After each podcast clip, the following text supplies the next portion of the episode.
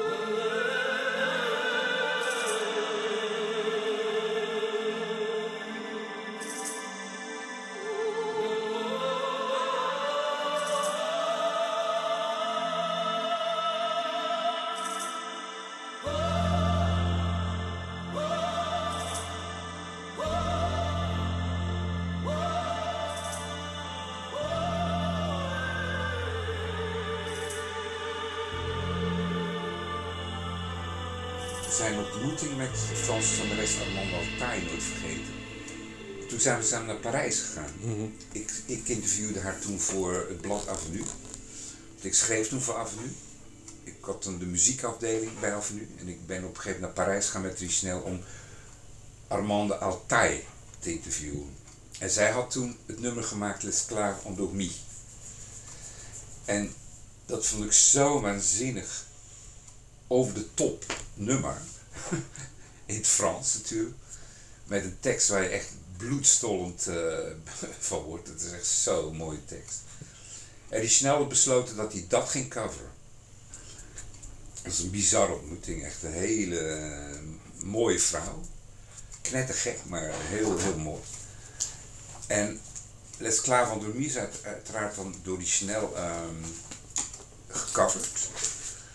En ik moet zeggen, ik vind zijn versie beter dan die van Armand Altaï. Eh, Ik ben toen met een bandje en met een proefopname van Esclave Endormi ehm, naar Londen gegaan. Om daar te kijken of ik daar door kon doorbreken. En dan spreken we over 84, 4, 85. Ja. En toen, en toen kwam ik terug hier en, en, en toen lag er een contract in mijn, in mijn brievenbus van, die Bel, van een Belgische independent maatschappij. Me, eh, Megadisc.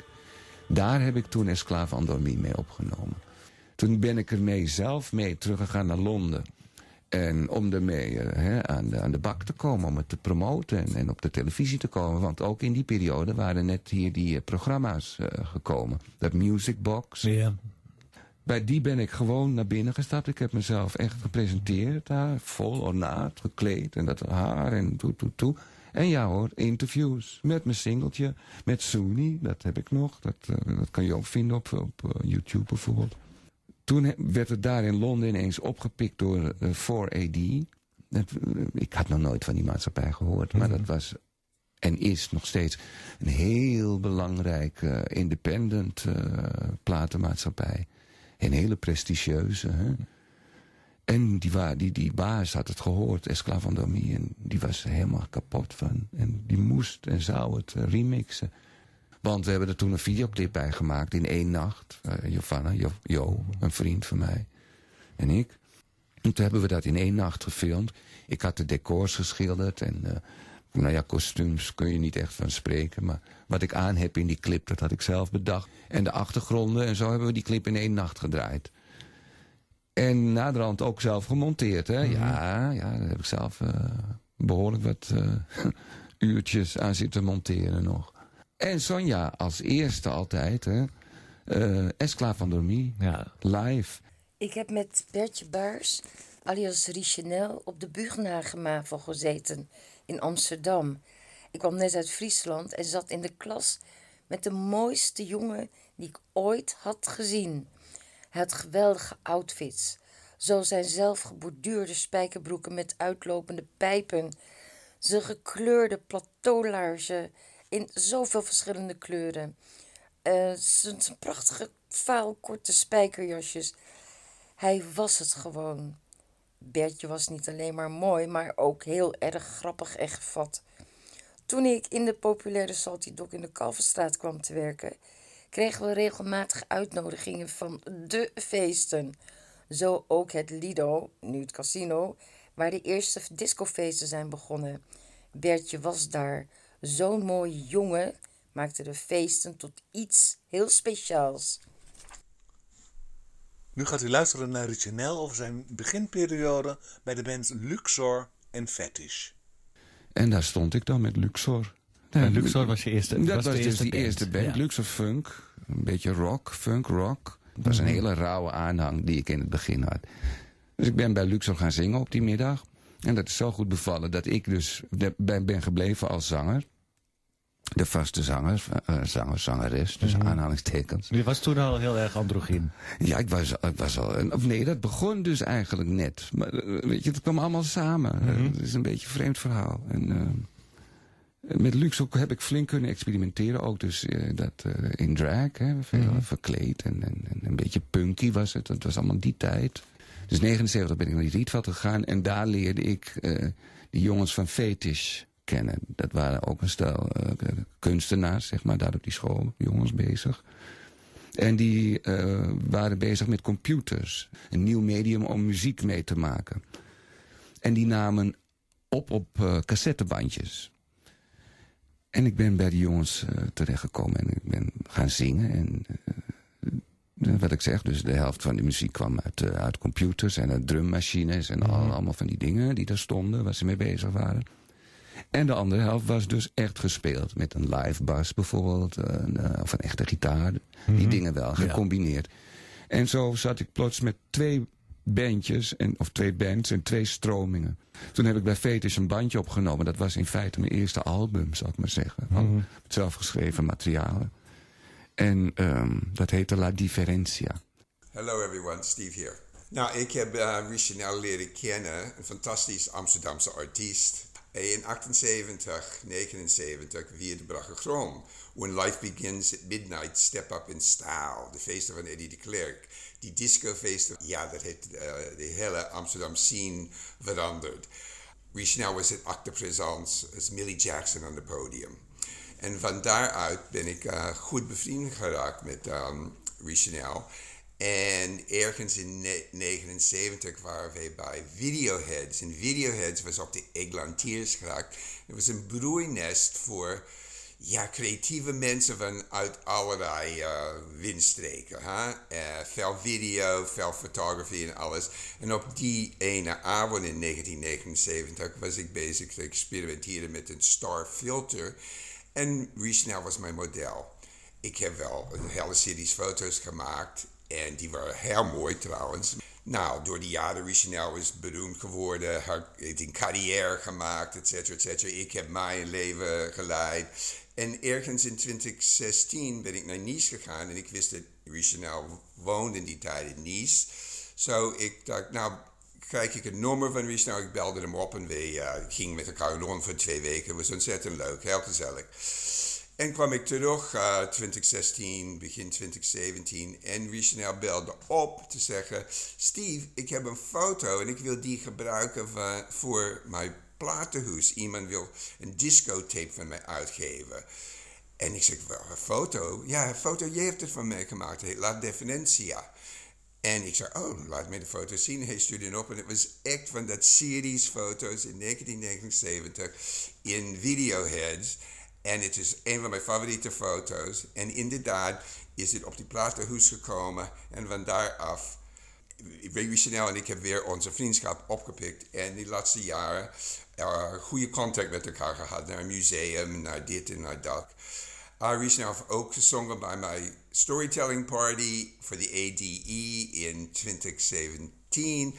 Walk on the Wild Side heeft die opening gedaan. En dat was ontzettend mooi en aardig van hem. En ik wil zeggen, dit is een bijzondere artiest. En dat hele groep mensen wat ik heb in 78, 79 met, uh, hier in Amsterdam. Diegene dat ze nog, leeft nog, heeft gewoon bijzondere carrières gehad, inclusief Richanel.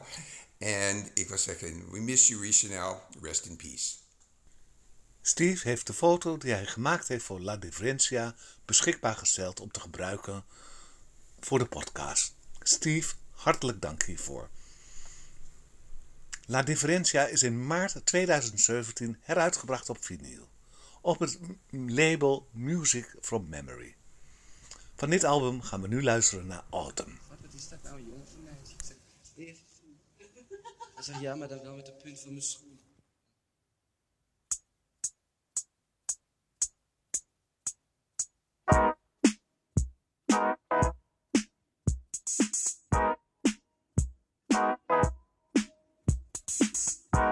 Autumn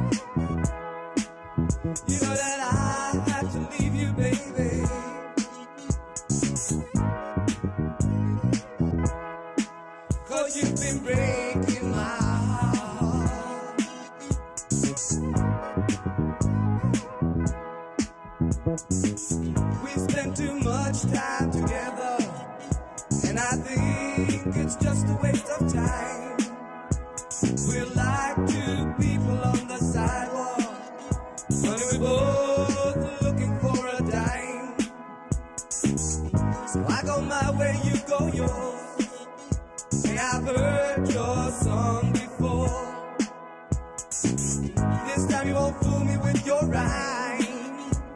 Grow up, get out, no time.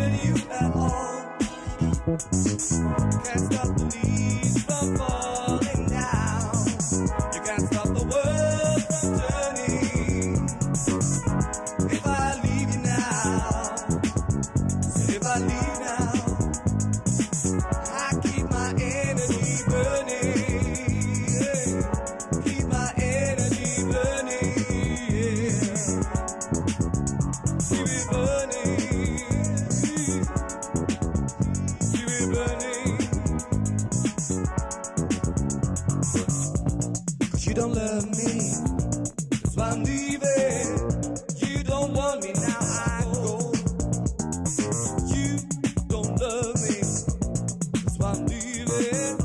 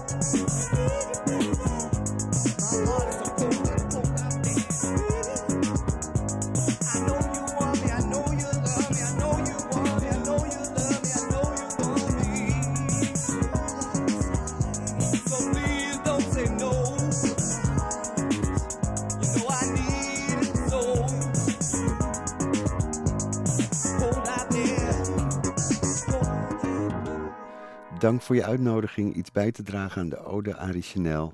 In mijn ogen een onderschatte artiest van eigen bodem. Met een bijzondere stem en prachtige nummers, waaronder het L'Esclave Endormi.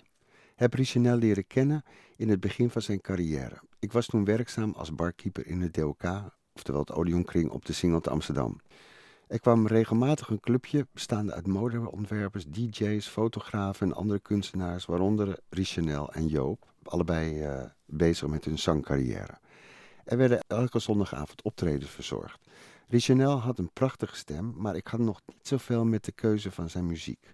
Concurrent was Joop, oftewel Rite de Passage, die met de dansbare Put Your Money Where Your Mouth Is mij meer aansprak. Richenel echter richtte zich echt op een zangcarrière. Ik was fan vanaf L'Esclave Endormi en de daaropvolgende hits als Dance Around the World, Temptations, Are You Just Using Me, die hij in samenwerking met George Michael heeft geschreven. Hij vertrok naar Spanje en zong daar voornamelijk jazz in kleine gelegenheden. In 2010 was hij weer regelmatig in Amsterdam. Hij deed een optreden in de Barderij toen op de Zeedijk. Ben daar toen wezen kijken en weer een tijdje met hem in contact geweest. Voor mij is uh, Richenel een groot artiest en een groot verlies. Uh, niet alleen voor mij, maar ook uh, de muziekwereld en voor heel Nederland. Want hij, ik vind het een onderschatte artiest. Wens je heel veel succes met de Ode aan Richenel. Hij verdient het en misschien wel meer. 1970 begon Eddie de Klerk met die discoparties Ja. hier in de stad. Ja. Die heeft mij dus op het podium gehaald met een eerste drag optreden. En zo kwamen al die dingen bij elkaar dat ik dus ook in drag ging. Dat was alles ach- 77, 78 begon dat echt. DOK was mijn huiskamer. Daar kwam ik al vanaf mijn vijftiende ongeveer. Het DOK was een fantastische plek. Weet je, Amsterdam was wat dat betreft veel kleiner. Er waren heel veel optredens. eh, er werden geweldige feesten gehouden. Dat, dat had ook Divine op. Ja, ja, Ja. ja, ja, ja. Divine, Sylvester. eh, net als in het Mirandabad wat Eddie, eh, weet je, wat Ja. Eddie deed. En in, het, in de brakke grond. En Paco was een vriend van mij, die kwam van de Canarische eilanden. Ja. Die werkte als eh, visagist, noem je het, grimeur. Daar was ik heel goed mee bevriend. En Paco was echt van de old school drag queens. Dat wil zeggen, veren en pailletten. Want zo kun je de scheidslijn. Ik ben dus nog opgevoed, zal ik maar zeggen, door de old school queens. Veel make-up, want die had ook gedanst en gewerkt in Parijs, weet je wel, in het Lido en, en, en ook in eh Beirut, voordat dat helemaal aan puin geschoten was. Want dat, van hem heb ik dus make-up geleerd. Want we waren goed bevriend, we gingen ook samen naar Ibiza, weet je. En dan, dan traden we daar op. Hij deed altijd Ima Sumak, voor degene die dat van vroeger van het dok nog weten.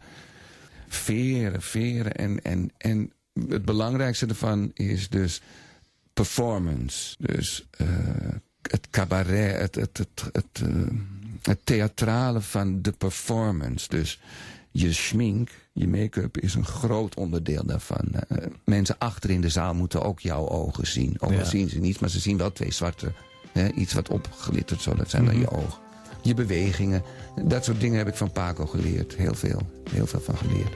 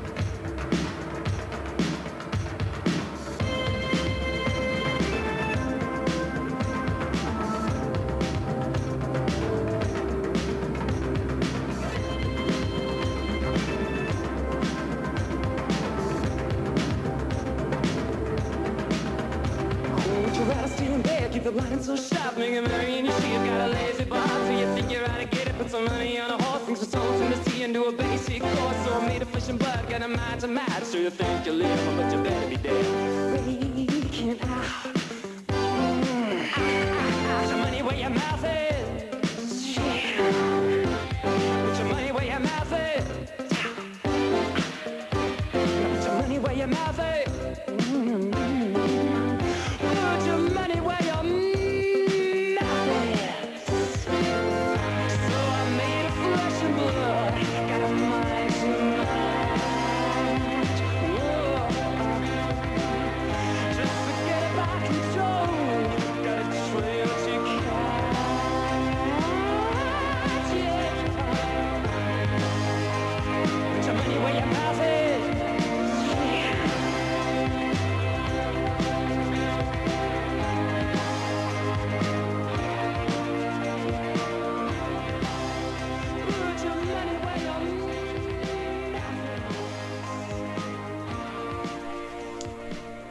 Geluisterd naar Riet de Passage, Club 909.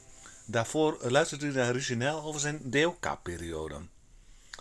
Binnenkort te verkrijgen Riet de Passage The Sound of Fetish 1982. Rare recordings previously released on cassette, met daarop de live track van Origineel Smell of Poverty, opgenomen op 14 oktober in 1982 in Paradiso. Duidelijk hoe snel de man switchte van man naar vrouw. En dat deed hij heel overtuigend trouwens. Als een beeldige vrouw en ook een hele knappe man. En hij kon beide heel goed eh, de rollen aan. Dat zou nu eh, heel hip zijn. Toen was het heel revolutionair. En die Chanel was toch wel wat ik noem een echte genderbender. Geen transgender, want dat is iets anders, maar Mhm. een echte genderbender. Iemand die speelt met die identiteit. Ik vond het een van de weinige eh, mensen die in Amsterdam ook echt, voor mij het echte Amsterdam vertegenwoordigde, zoals ik dat kende in die eh, jaren 70, 80. En hij vertegenwoordigde voor mij ook het, eh, de freaky, leuke, uitzinnige, kunstenaars creatieve kant van Amsterdam.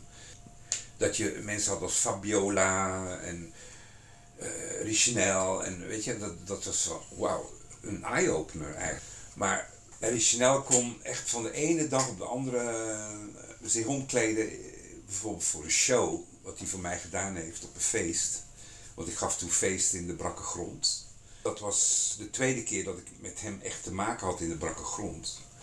Hij zou optreden eh, met de show waarvan ik absoluut niet wist wat het zou worden. Ik had zoiets van, ja, jij bent geweldig, doe maar. Weet je wel, het kwartier de tijd. Die eh, brakke grond was toen een, bestond uit twee zalen. Je had de rode zaal, dat was de theaterzaal, hele grote zaal. En dat was bomvol op maandag. Moet je je voorstellen, op maandagavond kwamen daar duizenden mensen bij elkaar. 80% gay, 20% vrouwen. En over het algemeen heel leuk, vriendelijk, extravagant publiek. Ook gewone mensen, maar alles door elkaar. Dat is mijn, eh, mijn kracht. Ik combineerde dat soort, ja, die mix. En die Chanel trad op, ik zal het nooit vergeten, voor een bomvolle zaal. Waren echt iets van 1500 man. Man, nun. en opeens, spotlight gaat aan op het toneel. Komt opeens Richenel tevoorschijn in een rode lakleren regenjas. Met zijn haar geblondeerd. Heel kort. Ik heb hier foto's van. En hij begon te zingen met het nummer You Created a Monster van Millie Jackson. Die discozangeres. Dat was zijn grote, grote favoriet. En dat nummer deed hij online, hier on stage. Je kunt hier de foto zien. En op dat moment dat hij het refrein begon van You Created a Monster, kwam er een zwarte bodybuilder op het podium. En dat was Mr. Universe. Ik wist dat die zou komen. En zonder dat het in de gaten had, stond hij bij die Chanel voor het podium en begon hij zijn spieren te rollen. Helemaal geolied en in een klein slipje. Nou, ik zweer je, die zaal ging helemaal door het dak. Echt waanzinnig. De eerste keer dat hij naar ehm, de Brakke Grond kwam, op een van de eerste feesten, toen kwam hij samen met Jopie. Ze heet nu Giovanna, dat is ook een genderbender. En ik zal nooit vergeten dat ze aankwamen en ze waren poedelnaakt, beiden, helemaal goud beschilderd en dan in folie gewikkeld. En die folie, dat zat van top, van top tot één over hun lichaam. En door het lopen en het dansen en ze- op de dansvloer begonnen ze rond te draaien. En dat folie begon los te komen. En er waren net engelen. Dat zal ik nooit vergeten. Dat twee van die engelen op de dansvloer stonden, weet je. Zo mooi. Zo'n prachtig beeld. Zoveel lol ook die eh, tijd. En eh, zoveel plezier en onschuld. Als je origineel zou moeten samenvatten, hoe moeilijk het ook is, in één zin. Monstre sacré. Le monstre sacré. Het is een, eh, een artiest waar je eigenlijk niet, niet meer aan kunt komen. Omdat hij overleden is. Tot zover Eddy de Klerk. Er zijn online beelden te zien van de feesten van Eddy de Klerk. Het Amsterdam Museum heeft de website ge- gelanceerd coronaindestad.nl. Daarop de bijdrage van Eddy de Klerk Laat de stad nooit eindigen. De brakke grond. Ook in zijn boek Laat de stad nooit eindigen veel verhalen en foto's uit deze periode. Eh Fluitsma en Van Tijn. Mhm. Die twee eh, producers hebben dus eh, we hebben een, een album eh, opgenomen. Waarvan ik heel veel mee heb geschreven. Behalve Dance Around the World. En Dance Around the World werd de hit. Het was ook wel een sensatie. Ja, het was, eh, voor die tijd was het eh, heel, heel, heel bijzonder. en ook omdat Ik vergeet er dus nooit de eerste optreden in, in Countdown. Met je geripte broek. Ja, die mocht ook niet op de voorkant van de hoes. Weet je, dat vonden ze te gewaagd. Dus dan hebben ze die foto op de achterkant gezet. Oké. En het blijkt juist dus, hè, wat we nu allemaal weten, dat was de marketing stunt. Ja. Maar dat, dat bedoel ik, dat was toen de tijd nog. eh, Het was veel te vooruitstrevend. beangstigend was dat. Ze waren nog niet zo vlot hoor, nee hoor. Ik heb tegen heel veel eh, dichte deuren opgelopen. Nou ja, je, hebt, je, je was wel een van de eerste in Nederland ook met een heel ander Ja, je kunt wel zeggen, een van de eerste met wat ik deed in, in, in Europa. Ja. Afgezien van, van Boy George dan. Maar het was dezelfde stroming. Maar ik, ik voor Nederland dan. Ja. En als kleurling. Hè? Als kleur, en gay. Dus Drie op was- elkaar. Ja, dat was... eh, heel- Sensationeel. Heel sensationeel. Ik droeg twee oorbellen. Kijk, nu heeft iedereen, iedere straatmaker heeft twee oorbellen in. Destijds heb ik hele eh, z- zangkoren gehad die me uitscholden en dergelijke. Ja, ja. Oh ja. Oh ja, Ja. dat was wekelijks. Als ik ging optreden had je altijd een- in de zaal zo'n heel eh, stel van die jongens. Die doen homo, homo. dat Oh, soort- ja. ja, ja, ja, Ja. Hey, en de band die je eromheen had geformeerd ehm, in die tijd, daar zat ook René Klein in. Ja.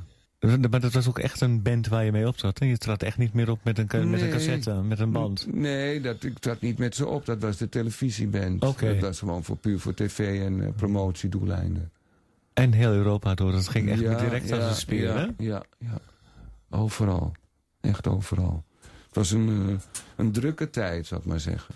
Is het ook die tijd geweest, of was dat al, al toen je in Londen was, dat George Michael eh, jouw stem zo prachtig vond?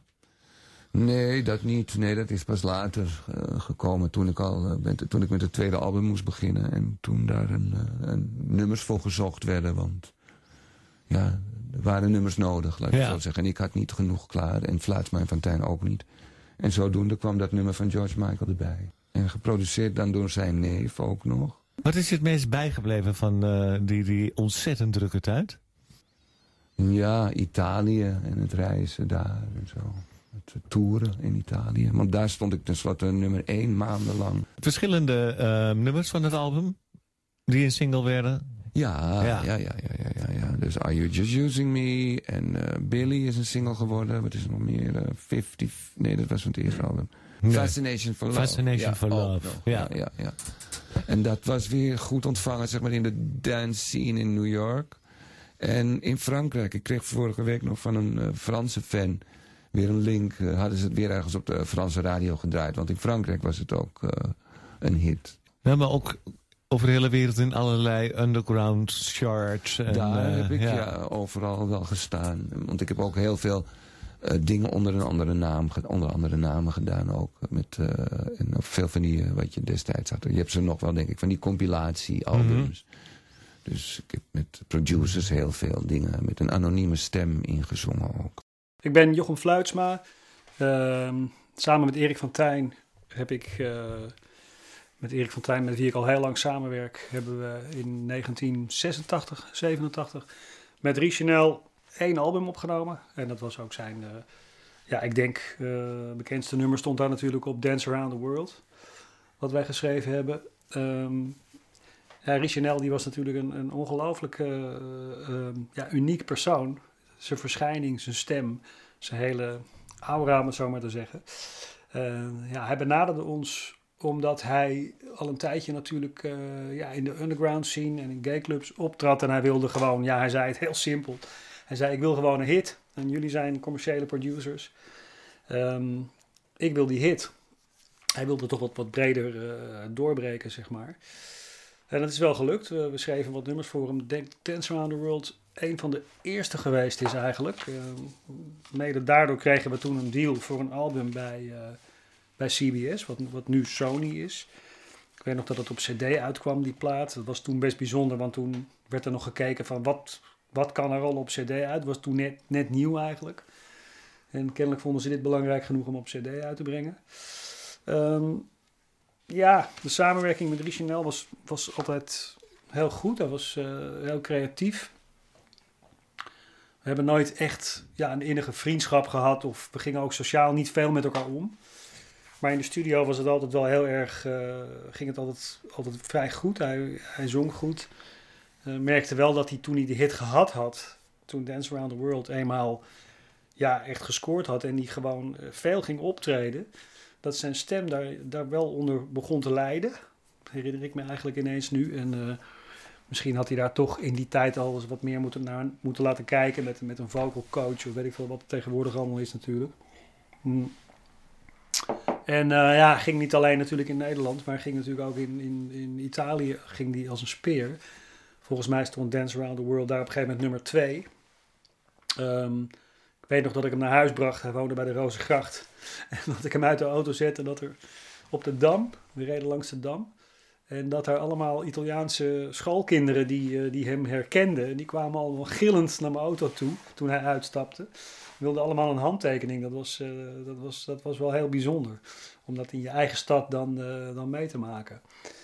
Ehm, ja, we hebben eigenlijk na dat eerste album hebben we, zijn we een beetje uit elkaar gegroeid, denk ik. Hij, hij vond het succes, hij vond de, de commerciële kant, zeg maar, voelde hij zich toch niet zo lekker bij. En hij wilde toch weer misschien een beetje terug naar iets meer, ja, zijn eigen eh, dingen die hij daarvoor misschien gedaan had. En we zijn uit elkaar gegaan en dat is nog, nog eventjes met wat zakelijke strubbelingen, maar dat is nooit echt heel, we hebben geen ruzie gehad of, eh, of zoiets. En hij is daarna nog een plaat gaan maken, als ik, als ik het goed heb, met Henk Temming. Volgens mij hadden we daar zelfs nog één liedje toen, wat we, waar we al mee bezig waren, heeft hij daar nog opgezet. Eh, ik ben het een beetje kwijt. En ik ben hem daarna ook wel uit het oog verloren hoor. Hij is nog wel eens langs geweest. Er was nog eens sprake van een remix van, eh, van Dance Around the World. Ehm, ja, wat ik nog steeds geweldig vind als ik dat op de radio hoor. Dat blijft natuurlijk, komt die herinner- herinnering allemaal weer terug aan hoe we dat gemaakt hebben. En eh, ja, zijn, zijn unieke stem. En wat hij eraan toevoegde. En we hadden misschien ook wel, wat je tegenwoordig misschien meer zou doen, is ook samen gaan schrijven. Dat was toch nog wat meer verdeeld, zeg maar. Wij schreven de liedjes eigenlijk en hij zong ze gewoon in. Hoewel die met andere mensen dan ook wel af en toe wat inzong. En eh, nou ja, ik heb al met al toch wel hele mooie herinneringen aan hem. Het was toch een eh, bijzondere tijd en het was een bijzondere artiest. En eh, ja, en een heel bijzonder, bijzonder persoon. En nou ja, ik zal hem niet snel meer vergeten.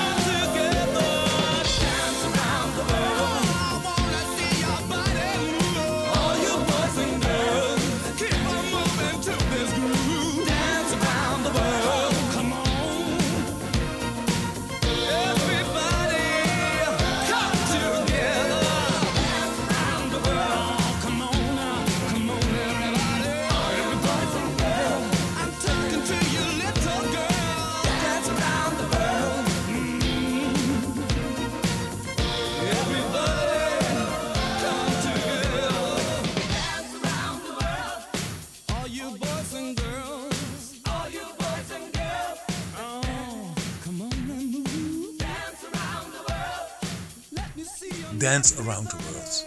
U luistert naar de tophit van de producers Jochem Fluitsma en Erik van Tijn. Hierna luistert u naar Maxime de Waal en ik vraag hem wat Richenel heeft betekend voor de LHBTI-community. De reden waarom ik hem heel eh, bewonder en heel interessant vond, is dat hij nooit echt. Hij fietste eigenlijk overal tussendoor. Dat is zijn sterkte geweest als, als persoon en als indiv- individu. Hij maakte ook muziek die niemand anders maakte. Als je, als je kijkt naar eh, zijn, eh, hoe heette dat nummer? Slaaf en Slaven. Dat is, dat is heel, heel lastig in een genre te pakken. Dat, hij was eigenlijk een van de eerste die een soort crossover. Dus in die zin was hij zijn tijd ver vooruit. En eh, is dusdanig volgens mij ook nooit zo door een community om, omarmd. En daar was hij denk ik ook niet rouwig om. Dat is tevens ook natuurlijk de, de, de tragiek van veel kunstenaars en performers die niet helemaal in een eh, straatje te vatten zijn. Wat ze juist zo bijzonder maakt, maar waardoor ze dus tussen de mazen eh, vallen eigenlijk van, eh, van, van alles. Ik denk dat hij, dat hij een soort vreemde eend, zoals, zoals Boy George destijds werd gezien, als zijn als een soort klap bij dat, je, dat mensen dachten: wat is dit? En dat hij daarmee mensen alleen al door te zijn wakker schudt van eh, er is meer tussen, tussen man en vrouw en, en de hele weg waar we eigenlijk met z'n LGTB eh, mee bezig zijn. Ja, want hij was gewoon zichzelf. En dat, dat, dat, maakt, dat maakt het eigenlijk ook bijzonder. Het was gewoon nul bedacht. Maar hij heeft eh, eh, meerdere malen in interviews ook laten doorschijnen later. En volgens mij ook wel teg- tegenover jou in een eerder programma. Hoe moeilijk het was om. Dat, dat, dat ze hem toch ook weer probeerden te. eh, in een bepaald hokje te duwen. Waardoor die aanvaardbaar was voor, voor mainstream. Dus het gevecht van een LGTB-kunstenaar. Of het nou gaat over kunst, mode of muziek is zoveel harder en langer eh, van duur dan voor, voor ieder ander kunstenaar. En dat wordt wel eens, eh, dat, dat vergeet men wel eens. Want eh, de kunstwereld is ook nog steeds behoorlijk homofoob. En de muziekwereld was dat destijds ook al helemaal. In 2011 trad Richenel op tijdens Disco Totaal. Ja, het was een dream come true. Het, was, het was volgens mij zelfs een van de eerste disco totaal dat ik daarmee begon. Dat ik dacht van, wauw, ik ga precies doen wat ik zelf wil. Ik zeg altijd, het Nederlandse, Nederlandse volk, maar ook het Nederlandse uit, uitgaanspubliek heeft een hele korte, ja, geen historisch slash hysterisch besef. Dus die wisten waarschijnlijk helemaal niet wie Richenel waren, was. En je ziet ook, gelukkig zijn er opnamen van. Nou, wa- de- er waren mensen die natuurlijk daarop afkwamen, die hem geweldig vonden. Maar het overgrote gedeelte kende hem niet. Nou, hij pakte ze allemaal in. En dat is natuurlijk fantastisch. Dat ze, dat, ja, his music stand the test of time. Dat was toen heel duidelijk te zien. En dat was echt fantastisch. En eh, hij had daar ook niks eh, om zenuwachtig voor te zijn, wat hij natuurlijk wel was. Maar, de stem, maar zijn stem laat, liet hem nooit in de steek. Dat is ongelooflijk. Nou, ik ken Richenel al heel lang. Eigenlijk ken ik hem vanaf de periode dat hij op de Rietveld Academie zat. Ik, zag wel dat hij altijd eh, tekende als je met hem praatte. En dat vond ik altijd wel interessante tekeningen. Nou, hij is toen op een of andere manier heeft hij eh, zijn bekendheid gekregen als zanger. Op een of andere manier eh, was er een periode dat ik dacht, nou, ik wil wel wat met Richenel doen. In eerste instantie is het op mijn verzoek, heb ik hem gevraagd. Ik ben wel geïnteresseerd om een solo-concert voor jou te regisseren. Eh, ben je daarin geïnteresseerd? En toen zei hij ja, dat vind ik ontzettend leuk. Als je dat wilt doen, laten we eens een keer eh, bij elkaar komen en eh, bekijken of dat mogelijk is. En toen zei ik, nou laten we dan eerst beginnen met een, een tentoonstelling van jouw tekeningen en schilderijen. Kunstvoorwerpen wat, je, eh, wat je gewoon maakt. Want ik was bij hem thuis en het was eigenlijk een, eh, een eh, atelier woonruimte. En toen heb ik een aantal tekeningen van hem uitgekozen en een aantal objecten. En het waren eigenlijk hele kleurrijke, heel verrassende portretten van zijn kennissenkring. Waarvan inmiddels al de, de helft overleden was en aids of zelfmoord of overdoses. In ieder geval waren het allemaal hele interessante mensen. En die had Richenel dus heel mooi en heel interessant geprobeerd te vast te houden voor de, voor de eeuwigheid, zal ik maar zeggen. En het waren hele grote, hele gekleurde, eh, felle kleuren. Ja, het waren eigenlijk eh, allemaal. eh, ik zei tegen hem: wat zijn dat voor, eh, voor kleurencombinaties? En toen zei hij erop: zie dat, dat niet? Ik zeg: nee, ik zie het niet. Dat zijn allemaal eh, kleuren van eh papegaaien. En ik vond dat heel erg interessant. En daar heb ik een tentoonstuk van gemaakt. En dat heeft, het was een aantal jaren geleden, en dat heeft heel veel respons gehad en heel veel succes. Je hebt geluisterd naar Rob Mallas, een galeriehouder waar Richenel een paar jaar geleden een tentoonstelling had in zijn galerie. Bo, de broer van Richenel, is blij met het initiatief om deze uitzending te maken. Helaas liet de techniek ons in de steek om een gesprek te voeren. Hij schreef mij het volgende. Ik wil je aandacht vestigen op een paar van Richenels laatste nummers die ik zelf futuristisch noem en zeer toepasselijk voor deze tijd. Hij is daarmee weer ver zijn tijd vooruit en toont zijn grote diversiteit en sociale betrokkenheid. Het gaat om artificial, hybrid humans en speed of light. Van deze nummers draai ik artificial.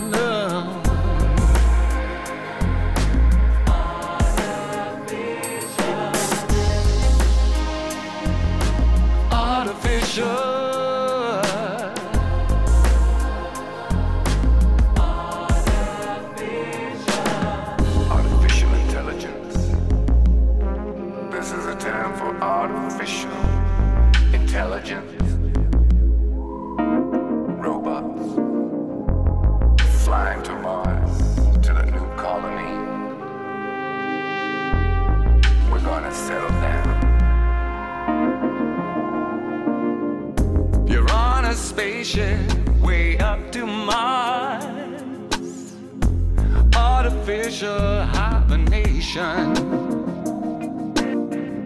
And now you wonder how it's gonna be in a planetary confrontation. Start your family and make new friends. You're in a first time situation. No going back what it used to be. Artificial civilization.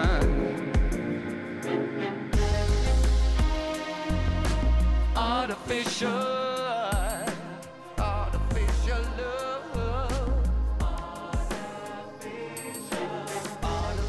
Het is alweer het einde van deze uitzending. Op internet gaan we nog even door. U kunt het vinden op Facebook op de fanpagina van Richenel. Het werk aan deze uitzending bracht mij tot nieuwe inzichten in het oeuvre van Richenel. Aan deze uitzending werkten mee Bo, de broer van Richenel, Margit Ostara, Eddie de Klerk, Steve Malenka, Jochem Fluitsma, René Gorter, Maxime de Waal, Stanny Poelman en Rob Malas. Stay safe, be good en tot volgende maand. Dit was NVS Radio. Voor meer informatie en media ga naar www.nvs.nl. NVS Station.